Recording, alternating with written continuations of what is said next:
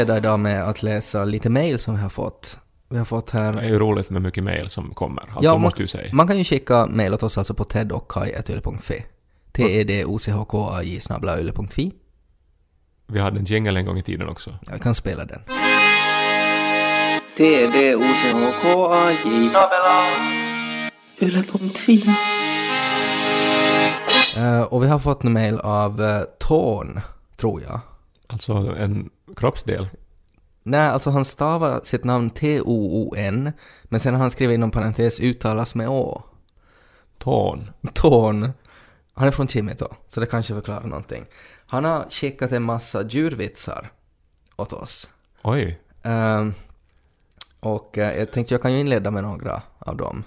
Det är jättemånga, så det är kanske tusen, så här snabb räknat. Jättemycket vitsar. Tusen vitsar. Vilket djur skapar statisk alternativ energi? Kamel. Uh, Kamel. Men alternativ energi.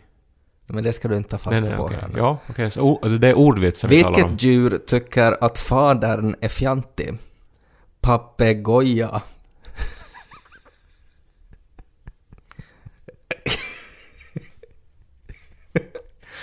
Eh, vilket djur är väldigt stort i singularis? Enorm.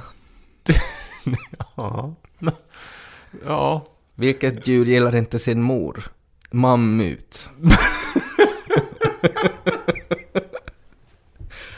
Vilket djur funderar på fl? Flundra. Men det här är ju... har du- Vilket djur har en egen ko? Mumin.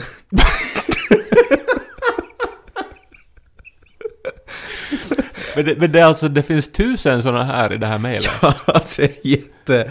Det är jättemånga.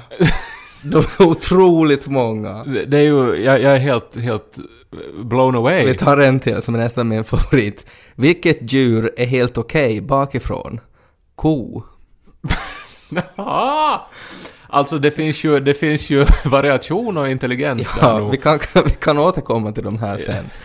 Det är jättemånga. Men tack Torn för de här. Tack, det här, det här var ju överraskande. Alltså jag, jag, jag, jag har tårar i ögonen. Ja, Ja. man blir så liksom överrumplad av såna här vitsar. när de kommer plötsligt.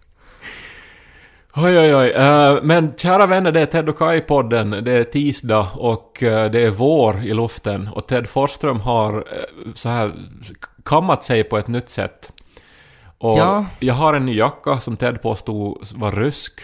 Nej men det ser du, det, det är en sån här märkes sportjacka. Eh, och, och när jag kom in här i rummet så satt du så här slaviskt så här på golvet, knä, knäböjt sådär. Att du, såg, du såg väldigt rysk ut. Mm, jag höll på att koppla i alltså datorn som vi ska banda med här. Ja, ja, men när man ser någon bakifrån som sitter så med en sån här märkessportjacka. Så då, det, jag trodde att jag var i Ryssland. Men jag tycker, alltså över hela världen just nu så har man ju såna här sportkläder. Ja. Och jag är ganska glad över den här saken för att jag, alltså när jag var liten och, och i Pedersöre, man använde ju färkare till vardag och fest. Mm. Man var i skolan i dem, man gick på stan och, och alla älskar ju att gå bekvämt. Mm. Och sen så flyttade man till Åbo och, och studera och där var det inte lika okej att gå ut på stan i färkare. Nej. Och sen flyttade man till Helsingfors och nu har jag ännu till flyttat till södra Helsingfors där eh, man går omkring i päls och det finns sådana här pälsförvaringsfirmor. Mm. Och eh, där får man lite så här onda ögat. Men är det därifrån det kommer då? För päls är ju jättepopulärt i Ryssland också. Ja, alltså eller- där går man ju klädd i päls. Ja fast alltså är det lite så här att vet du, Ryssland har ju mycket så här nyrika Ja, Och, och det är ju och liksom ofta då när man plötsligt då drabbas av eh, pengar och Mm. porrlighet så då då får ge- man nog köpa päls. Nej men för att det är som det man har som sinnebild av att Ja. rika har.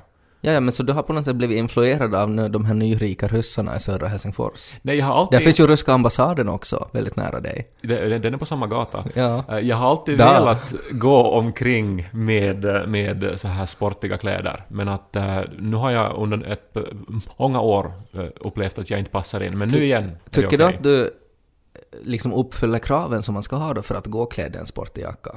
Vadå, jag är väl atletisk och lång. Ja... Nej, jag, jag, jag har funderat väldigt mycket på den här... eh, Jag har läst den här nyheten om, om den här skolan i Närpes. Jag Som- läste den ja. Som inte ska få ha idrottsklasserna mer. Ja, det blev ju... Högpresterande idrottsklasser. Och eh, bara liksom, vi har ju haft jumpa. Och inte skulle du ha gått på den klassen, du inte. Förlåt? Att du skulle inte ha gått på den här jumpaklassen för de som var bra på jumpa. Ja, men nu är det väl ändå jag av oss två som sprang maraton för ett par år sedan här Ja. och som simmar och som Jo, jo, rör det, på mig. men har du väl något vitsord? Så inte betyder det ju något. Nej men så du menar att det som man är i högstadiet så blir ens verklighet för resten av livet? Men det är som det student. här är ju en helt Det är som absurd... studentbetyget. Det, kom, det följer efter en som en fantom i livet Ja, och bedömer vad man kan göra. Fast det var bara då, för länge sedan. Ja, står du bakom frisyren du hade i högstadiet? Nej, det gjorde jag inte.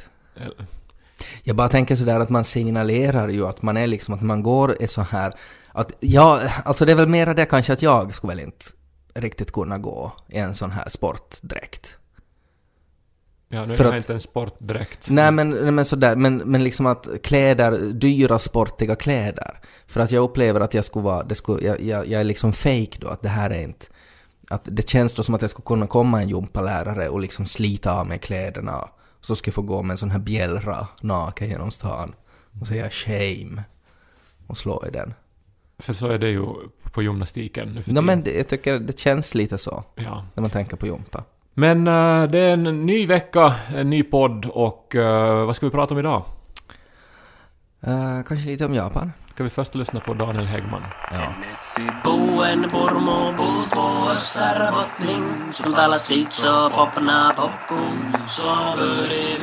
Popna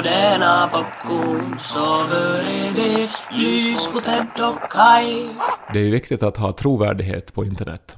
Mm. Mm. Nu menar jag inte bara att man ska ha snygga jackor på sina profilbilder, Nej.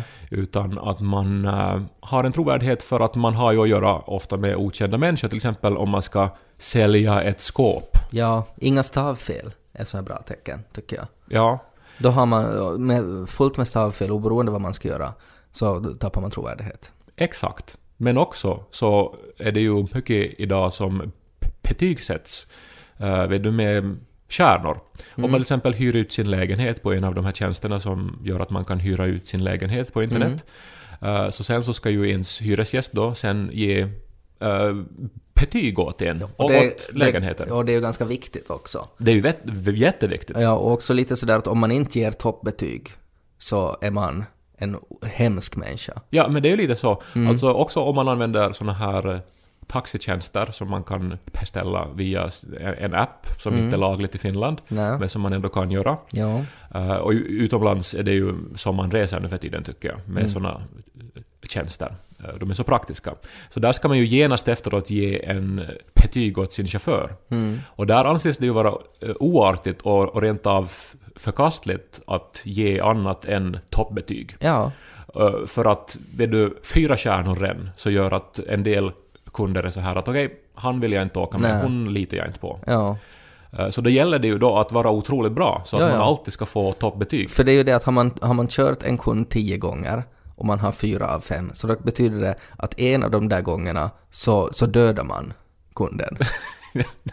Eh, Men det är ju det som man signalerar. Ja, och man tar inte den risken. Nej, och, Fyra av fem kan vara mord. Jag minns också när internet var nytt, när man beställde saker, eh, man ställde böcker från USA och, Mm. och sen på, på de här auktionssajterna så köpte jag effektpedaler. Mm. Och så skulle man ju då ge en sån här user review Ja. åt den man köpt av. Ja. Och när internet var nytt så skrev jag ju långa uppsatser om hur trevlig den här människan hade varit och, Mm. och hur kommunikationen hade förlöpt och, och liksom, vet du, ansträngd mig. Det blev som, vet du, att jag satt kanske en timme på att, Let me tell you about this man. Ja, och så för, förväntade jag mig det i gengäld också. Ja. Och det fick man också. Ja. Eh, Men idag är vi så vana att vi A++, skriver... would buy again. Men det är det man skriver idag typ. Ja. För att det här systemet är ju ännu i eh, kraft och det är Mm. liksom, jag tycker jag, på allt mer som har att göra med internet, som har att göra med re- relationer, så ska man ge de här kärnorna och de här betygen. Jag, jag var nyligen och, och handlade i en ganska stor sån här elektronikaffär och så fick jag dagen efter ett mail att jag skulle ge då betyg åt sakerna jag har köpt. Och av de här sakerna jag har köpt så ville de också att jag skulle ge stjärnor åt plastpåsen. att det fanns liksom med i den här listan av saker jag hade köpt så var den här Iso Muovikassi. Och jag gav den tre av fem. För, för den var inte så iso Men då. den var lite för stor tyckte jag. Ja. Eh, Men exakt, det här är ju nu då ett symptom, eller det här är ju ett bra exempel på just det som jag säger, att, att överallt handlar det om att så att säga, vill du visa sin åsikt genom betyg. Ja. Utom på ett ställe. Uh, Det som internet används till nästan mest. Sex. Dating-appar. Och Ja. sexsökningsappar då, eh, som ju vissa har fått en stämpel av att vara Ja. med. Alltså, man dejtar ju, man träffar folk på nätet. Det är ju det vanligaste sättet att träffa folk på Ja, nätet. men här är väl den stora grejen här är ju väl det att man vill väl inte, att när man träffar någon så vill man inte på något sätt fundera på vem de också har varit med. Och det är ju det som är grejen, att, att skulle jag bli tillsammans med någon och så, så liksom på andra dejten då så, så ger de mig en liten lista med sina recensioner av, av, av, av liksom hennes ex då. Eh, så, så inte är jag ju så jätteintresserad av det inte. Men om du aldrig skulle, skulle liksom fara med en uh, taxichaufför som inte har fem stjärnor. Mm. Nej, jag menar, alltså- en dålig taxiresa kommer man ju över, men en underlig spiralformad uh, klamydia Men då, alltså grejen är väl det att om det skulle vara så, så här... kommer man ju inte över på samma sätt. Nej, men om det, grejen är ju den att om, om, om, om det där skulle vara, jag, jag förstår, jag, jag tycker ju, det är ju sjukt när man tänker på det, men om det där skulle funka så är det ju bara människor som inte har varit tillsammans med någon som skulle träffa nya människor. För inte skulle man ju få bra recensioner av sitt ex. Alltså, alltså det är det här som är intressant då för att, för att eh, vad skulle de här... Alltså, alltså om någon har då fem stjärnor och det är liksom, om man säger det är 980 reviews och det är liksom medeltal fem stjärnor. Eh, Det säger ju så som massa saker då. Alltså dels Ja. att det måste ju vara en bra typ, Ja. men också liksom att alla, vet du, att alla förhållanden, alla ex är man liksom på god fot med. Mm. Och så kan man bara kroxa i det när man söker människor att dejta, att man vill bara ha de som har lika mycket poäng som en själv och sådär. Men har du ex som du skulle vilja liksom varna för eller liksom ratea på det Nej, jag sättet? tänker ju vad jag skulle ha fått för recensioner då. Eh, och jag har, eh, jag har aldrig blivit dumpad. Jag är alltid den som har gjort slut. Vilket ju betyder att jag ju inte har några så här strålande recensioner, tror jag. Nej, men det är ju det här, alltså för att jag, jag antar ju att de som du har dumpat då så skulle ju säkert ha velat ha dig kvar då. Ja. Och det gör ju att de egentligen borde ge en bra recension till dig. Och att vi borde liksom utveckla ett re recensionssystem som tar bort det här att man blev också dödligt sårad. utan, utan det är bara liksom den här, den här tiden när, när man var tillsammans. Man då. borde ha liksom en tredje part som kommer och utvärderar hela förhållandet och sen ger poäng utgående från hur det gick. Ja, men eventuellt just så skulle det vara liksom tredjeparts feedback. Ja. Eller så att man bara får ge bra feedback. Men då är det ju ingen point. Nej, men då, då skulle ju de som du har dumpat skulle ju förstås inte ge feedback alls. Ja. Så, så då, är det liksom att, att om man, någon har liksom eh, tre tummar upp, så då vet man ju liksom att då måste det vara någon som är bra.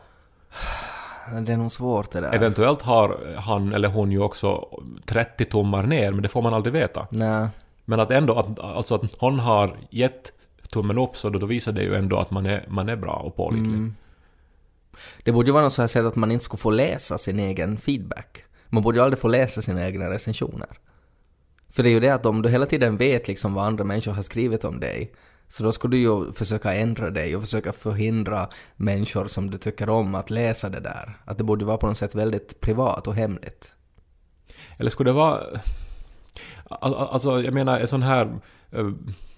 Ett ytligt och lite humoristiskt sätt att så här ped tömma någons intresse för en annan människa är ju att man frågar ”skulle du?”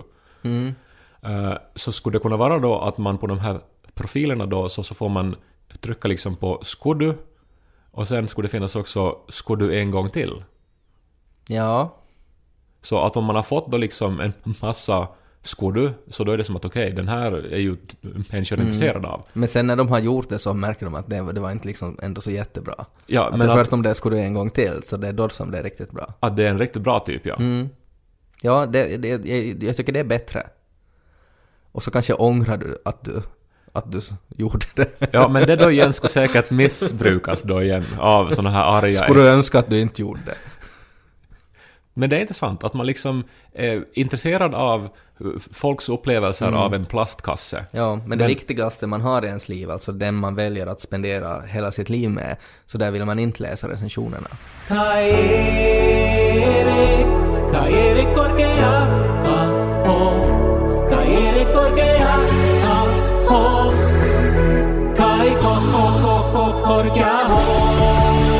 Jag har tänkt på tydlighet. Och jag vet inte riktigt vad det betyder. Alltså ibland när jag kommer hit... Det är någonting, när, en- motsatsen till oskarp. Ja, tack Ted. Ibland när jag kommer till de här inspelningarna med dig så har jag ett tydligt ämne jag vill prata om. Men ibland har jag bara en känsla och nu handlar känslan om tydlighet och otydlighet. Att vi lever idag i en värld där så mycket är tydligt och vi kanske dras till det, eventuellt för att våra egna liv är så otydliga. Men menar du tydligt eller menar du sådär att det ska vara lätt uppfattat? Om man Lätt- tänker sådär på internet, att allt ska vara kort och snabbt. Eh, du ska inte behöva läsa eller tänka själv. Ja, och dels har det kanske att göra med de här kända bubblorna som vi lever i då, att man omger sig på sociala medier med folk som har i stort sett samma åsikter. Och sen så är det någon som skriver någonting om feminism och alla håller förstås med. För att alla i den här bubblan är ju av den åsikten att eh, är det. jämställdhet är viktigt. Och man har, man har slutat följa dem som, man inte, som har konstiga åsikter. Lite grann så. Så det gör ju då att allting blir på ett sätt till, till, till en outmanande motorväg av ens egna eh, av speglingar av, av en själv och ens egna Ja, åsikter. en orgie av tummar upp. Men det är ju inte det som är livet. Eh, Det är ju inte då man, man lever, när man bara håller med och håller med och håller med och kanske ler. Och, utan man lever ju först när man... eh, när det blir otydligt. När man måste fundera, när man inte håller med, när man är tveksam till om man håller med. När man måste utmanas till att ta reda på att vad man själv egentligen tycker. Ja. eh, det, det var en av mina f- f- f- vänner som, som eh, skrev om den här katalogen som Schildt och Söderströms publicerade. Alltså och Söderströms är ett förlag och de ska ge ut en massa böcker i höst och nu kom den så kallade höstkatalogen som innehåller då vilka böcker som kommer ut i höst. Ja. Det var romaner och, och det var eh, faktaböcker och så vidare. Bra och, du sa. och så hade då någon eh, publicerat en bild på katalogens omslag. Och där står då författaren Kjell Westö och eh, med, med armarna i kors och i bakgrunden står författaren Eva Frantz. Uh, jobbar på Yle också. Mm. Och eh, skriver deckare tydligen. Mm. Eh, och eh, hon står i bakgrunden och är liksom lite så här vänd, lite... Nå, inte ska man säga, men kanske lite mystiskt, lite förföriskt kanske. Mot kameran. Ja, medan mannen står i den här klassiska patriarkala påsen. Ja. Nåja, så här hade någon konstaterat att det här var ju en, en, en rätt så stereotyp bild av manligt och kvinnligt. Men så hade någon också jämfört då med eh, senaste katalogen. Och där då så sitter författaren Philip Teir i en fåtölj och bredvid står eh, författaren Merete Mazzarella eh, med armarna i kors. Och så var det liksom budskapet då som lades ut då till alla på sociala medier var att se nu, de har gjort det här igen. Att nu har de två gånger i följd satt en bild med en man och en kvinna där mannen då sitter i en, i en, i en härskarroll och kvinnan är under dånig underlägsen. Ja. Eh, och eh, när jag såg det här så var jag som eh, f- först intresserad för att jag är intresserad förstås av, av, av vad förlagen håller på med. Eh, och sen också är jag så här att har de faktiskt gjort en sån mocka? Men sen så när jag bara ser mer och mer på de här bilderna så ser jag inte alls det här som de är ute efter. Att jag upplevde inte alls att det här var tydligt. Att, att det var det här det var frågan om. Jag tyckte framförallt att det var så otroligt fula foton. Kjell Wester ser ut som att han har en liten ormbunke i håret och, och det där fjolårets katalog, så det, det, det är inte heller snyggt. Alltså det, det är inte ett snyggt foto. Ja, men i alla fall så är det, tycker jag, inte alls tydligt att det är någon sorts maktpositioner som signaleras. Och det blev då en lång diskussion där någon till och med då hade mätt med linjal, antar jag, storleken på författarnas huvuden. Och konstaterade då att de var exakt lika stora. Alltså att de så att säga tog lika mycket plats. Ja men inte kan man ju göra det, inte kan man ju mäta liksom huvuden och på något sätt med, mena att det symboliserar makt. Det är ju kroppsspråket och bildsättningen. Ja, men alltså på. att man analyserar bilden att vad är det som tar mest plats i bilden. Ja. Och det gör man ju med att börja liksom mäta, använda ord så som längre fram, längre bak, höger och vänster Ja. och så här. Att om man liksom tar rent objektivt och ser på en bild så är det det enda sättet att analysera. Ja. Eh, men det, det blev bara som till en, till en så absurt lång diskussion. Eh, där det här, det, var då eh, dels de då som menade att det här var då ett uttryck för eh, det patriarkala samhälle som vi fortfarande lever i och eh, konventioner som härrör från den världen och så vidare. Och så var det andra som sa att nej men alltså det är två kvinnor som har fotograferat bilderna. Eh, alla vet att både Kjell Westö och Filip Teir och Eva Frantz och eh, Merete Mazzarella, de, de tror på, på jämställdhet. Schildt och Söderströms står för jämställdhet och så vidare. Alltså att han inte kan se på det på det här sättet. Nåja, det blev en lång och lite absurd och lite tröttsam diskussion. Men ändå så kände jag liksom att, att jag levde då. För att jag utmanades. Så när du läste någon så här enorm tråd där en massa finlandssvenska kulturmänniskor som säkert har viktigare saker att göra eh, på arbetstid dessutom, så har suttit och på något sätt bara hållit på och malla om det här. Så då upplevde du att du levde. Eh, Då upplevde jag att, jag att jag levde, mera än att jag bara får tiden att gå. För att jag tänkte nya saker. Och så tänkte jag, vad fräscht! Och eh, så, så det som jag gjorde var att då unblockade jag alla på Facebook. Jaha. Eh, Jag, jag, alltså då och då när man eh, blir trött på någons uppdateringar Mm. eh, så, så händer det då att jag i tröttheten blockerar någon, alltså, eller som vet du tar, döljer deras uppdateringar. Mm. Och det gör ju då att efter ett antal år så då ser man ju inte något irriterande alls. Nej. Och, och så lever man då i det här eh, att det är så här, vet du, like, like, ja, ja, ja. Man får tiden att gå. Man utmanar inte sig själv.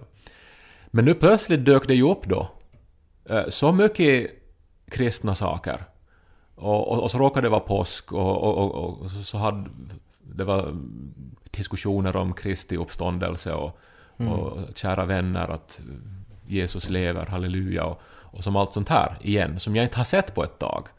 För, att, eh, för att jag har då i något skede valt att dölja det. Och nu har jag upplevt en tid på Facebook eh, där, jag, där, jag, där jag lever igen, tycker jag. Men alltså det du beskriver är ju bara att du har varit arg. Och att du får lite adrenalinkickar. Och tycker att nu känns det som att du lever. För att du har argat upp dig. Nej, men inte vet jag bara arg, jag har också som, vet du, hamnat och tänka att vad är det de här menar? Och de här är ju i min ålder och de här är ju tydligen seriösa med det här. Och, och så många håller med. Vad spännande! Att det kan vara så här olika. Ja, ja. Nå ja, alltså jag, jag hade lite samma effekt när jag läste uh, Lin Jung hade bloggat om eh, vaccin. Och så läste jag kommentarerna där bara. Uh, det var så otroligt, otroligt, otroligt många österbottningar som ju alltså eh, är vaccinmotståndare. Och speciellt i vår hemkommun. Ja, jättemånga. Och, och i egen ålder och, och sådär. Och, och, och sådana här riktigt konstiga, konstiga formuleringar som att, att ja, nu har mitt barn fått kikhosta. Av någon som är vaccinerad. Va? Ja, det var bland annat en logik. Alltså, Alltså någon som är vaccinerad mot kikhosta har Ja. smittat ett annat barn med yes. kikhosta. För att man kan ju fortfarande bära den där hostan, men om man är vaccinerad så har man inga symptom, man är inte sjuk. Men man kan smitta andra. Så nu har mitt barn blivit, fått kikhosta. Av någon som är vaccinerad. För att det barnet då inte är vaccinerad. Eh, och det, det leder ju också till att man börjar konstigt, men att jag blir ju, jag blir ju arg. Att, att jag upplever ju inte att jag lever, att jag blir jag tappar ju tron till mänskligheten. Men, men upplever du inte att du lever när ditt blod sjuder då? Ja, men samtidigt så, så det liv jag känner är ju att jag vill på något sätt bara krypa ner i en håla i marken. Jag har också börjat följa eh, en sån här, ett konto med eh, bilder som ger en svindel. Eh, Så att eh, ungefär en gång i veckan så, så är det några uppdateringar då från någon, något högt hus eller från någon bergstopp. Men det är Och ju... jag mår alltid dåligt, alltså för jag får som, eh, vet du, att mitt hjärta hoppar till när men de här vad är bilderna du kommer. i för fas nu då? Nej men för att jag, jag tänkte, svindel. Det är också, då, då lever man. För, för det blir liksom rent fysiskt den här upplevelsen att Men har du fått någon kris, alltså någon sån här medelålders kris låter det ju som. Nej, Ska du köpa motorcykel? Jag var på teater också med Nico och eh, det var en pjäs på Svenska Teatern, Peggy Pickett ser Guds ansikte, heter den. Intressant titel. Inte tydlig, utan man tvingas att tänka lite. Nå, d- d- den, var, den var slutsåld den här föreställningen, så vi var väl kanske 250 eh, medelålders människor. HBLs kulturchef Fredrik Sonck satt framför mig. Eh, och vi tittade på den här pjäsen och eh, den, är, den, den är abstrakt. Eh, eller inte abstrakt ska vi säga, men den är dekonstruerad, den är inte linjär. Det, man, man ska inte liksom se på den som att man försöker se en, en, en vanlig historia Som din berättas. jacka ungefär. Men Som ett exempel, så i ett skede så, så var det en scen, rätt så lång scen, när en av rollerna eh, tar av sig alla kläder och, och kackar ner sig. På riktigt eller fake? Nej, vi får ju anta att det var teatermagi vi såg och att Ja. någon hade lekt med någon sorts Ett paket med Emma på ryggen. kakao eller någonting. Eh, men, att, men, men, där låg den här skådespelaren då ganska länge då eh, på scenen, helt naken. Och den här känslan när man tillsammans med 200 medelålders människor och sin fästman och HBLs kulturchef sitter och tittar på en mans nedbajsade skinkor. Så, så det, det är ju inte heller tydligt. Och då känner man också att man lever. Ja. För att det blir så här motst... Man vet inte vad man ska tänka om saken. Men det där är bara att säga till så får du komma och se på Lo Forsström se Guds ansikte. För det där är liksom varje kväll hemma hos oss. Och jag tycker det är ganska tydligt. Nej men det är ju... Nej, det, det måste ju tas ur sitt sammanhang. Och det är väl ändå eh, rimligt att Lo Forsström ser Guds ansikte flera gånger per dag. Jo, Eh, men, men just när det händer då på en teaterscen, så, så, så då måste man ju börja fundera vad de menar. ja, eh, det låter ju inte som en... Det låter som att det är svårt att motivera i en teaterpjäs att vi ska ha fejkkacka på scen. Men väldigt intressant ändå. Alltså, eh, man, man, man utmanar sig själv, man lever. Och jag, vet, jag menar, vi håller ju på med underhållning. Eh, vi håller på med den här podden. Eh, den är ju tyvärr, skulle jag nu då, alltså den nya Kai skulle säga, att den är väl då ett led i det här att man bara ska kunna sj- sjunka in i lyssningen och i någon sorts, uh, vet du, uh, sån här lättsmält flöde av att eh, det här var ju roligt och, och det här var ju trevligt men jag måste inte liksom utmana mig själv, jag, jag måste inte leva. Jag, jag, jag fördrev tiden, jag levde inte. Och det är ju ledsamt. Ja, Skulle vi kunna på något sätt göra den här podden mera utmanande, mera då livsbejakande? Vilket djur planterar Barbies man? Sorken. Vilket djur har varma skor och kopplar ihop datorer? Ugglan.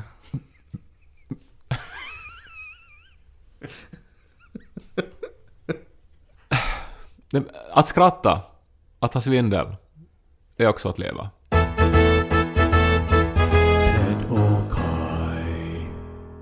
Okej, men jag har ett jättebra exempel på det här med att, att utmana uh, och, och på något sätt få andra människor att känna att de lever. Och en, en, en väldigt, alltså en smart sätt att göra det här på är ju att på något sätt göra det direkt när man träffar en person. Eller direkt när man stöter upp ett sammanhang. Att direkt få den här responsen av att oj, shit, nu får jag svindel. Och jag stötte på det här när jag såg att det finns en konstnär i Sverige som heter Angeas Ejiksson. Det är alltså hans, hans riktiga namn. Eh, Alltså det skrivs med... det skrivs med J. Angeas Ejiksson. Och bara tänk dig att du jobbar, du jobbar på Nobelfesten och så ska du ge Nobels fredspris till Angeas Eriksson. och så står du där och säger Mina damer och herrar, tillåt mig presentera Andreas Eriksson. och det var så fint tycker jag, alltså att hur otroligt provokativt, alltså att Alltså, jag skulle vägra att säga hans namn. Jag skulle säga Andreas Eriksson, för det heter du väl? Och så skulle han vara säga nej, jag Men- heter Andreas Eriksson. Otroligt oartigt av dig skulle det ju vara att inte respektera ja, att inte en, säga en vad han heter. namn. Men det är ju det att man kan ju inte säga det. Så om du skulle byta namn till... Jag tycker det är helt du skulle byta namn ja. till Kai Koikea och, och säga hela tiden att det är det du heter. Jag trodde att han stammade, men nej. Och ska man också byta ut S mot F. Ska Ted Foiftum. Foiftjöm. Foiftjöm. Ja men det är, det är ju sådär att man kan ju inte... Och också när du liksom träffar den här människan och skakar hand med honom och säger hej Ted Forsström, hej Andreas Eriksson. Men ja, alltså, alltså man måste bara fråga det här du, du läste, alltså kommenterades Nej, namnet det, på det, honom var, alls? det, var, det var någon som hade stött på den här typen och bara skriva liksom att, att se att det är någon som heter det här. Alltså det, det var inte i något större sammanhang, men jag googlade den här människan och han finns på riktigt alltså, att han sysslar med konst i Sverige. Andreas Eriksson. Ja. Alltså jag tycker det är genialiskt. Jo, det är ju det. Och, och framförallt om man är en konstnär så är det ju otroligt smart att man heter något sånt. Jag dejtade en gång en, en, en här man, eller vi var nu på eh, några träffar, eh, som hette Mattias men skrev det med ett Z. Mm. Och, och, och, och, och det, eh, Det ju- blev, det- blev, blev egentligen för mig i det skedet, jag var hemskt ung och, eh, och eh, inte riktigt kanske ur skåpet och så här, så att det blev faktiskt ett problem för mig, för att jag visste att jag skulle aldrig kunna introducera uh, vet du, till, till vet du, mina vänner som, som var så här straighta och som var så här lite no, österbottniskt, Ja. hur de nu var, eh, någon som heter Mattias Z. Ja, men där är det också en, en ganska stor grej att det här behöver, det behöver egentligen aldrig komma fram. Du bara säger här är min pojkvän Mattias. Du säger ju inte här är min pojkvän Mattias Z. Men om man säger det här är min pojkvän Andreas Eriksson.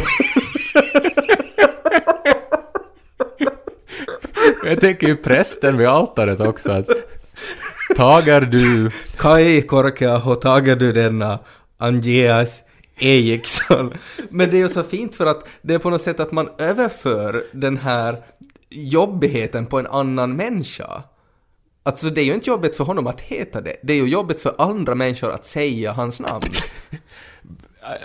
Jag tycker det är så genialiskt det här och jag kan inte förstå att man inte har kommit på det här. Alltså att det här är mer allmänt känt. Ja. Ja, att man, man liksom, man stavar sitt namn med ett talfel i princip. Ja, Med flit. e- exakt. Och jag menar, jag har letat efter pseudonymer och grejer, jag, jag har hatat Men mitt- om, om du då skulle by- byta namn till Kai K- K- K- Korkeaho, så är det sådär att alltid när någon ska introducera dig, så är det sådär att stammar de, eller hånar de Kai, eller vad är grejen? det, det här är ju alltså alls inte en dålig idé och det skulle ju helt säkert också vara lagligt, eh, tror jag. Säkert, ja. För alltså man får ju, jag har ju redan ett pinnestreck i mitt namn, så skulle Ja. jag liksom k-streck, k-streck, k-streck, k-streck, korkeaho. Hur uttalar man det här då? Korkeaho. och det är otroligt jobbigt för andra människor. Och så skulle de bara säga Kai Korkeaho, och så skulle du inte stiga upp, du skulle bara sitta kvar i publiken i Nobelfesten, för du heter inte. Kära vänner, eh, jag hoppas att ni känner att ni har levt trots allt och att, eh, ni, att ni uppskattar den känslan. Uh, Ted och Kai-podden eh, vill vara eh, underhållande och vill vara uh, din vän som, som, som en del av, av ditt flöde. Och, men vi vill också ibland hemskt gärna uh, utmana. Och om vi kan göra det på något sätt så är vi glada. Det är inte vårt primära mål, men kan vi få dig att känna att du lever så då har vi ju gjort någonting gudomligt. Uh, tills nästa vecka så det här hoppas vi att ni har det bra, njuter av våren, har en trevlig valborg och ska vi avsluta med en vits då. Av, vad heter han nu den? Tån. Tån från Kimito. Vilket djur skjuter upp allt? Gösen.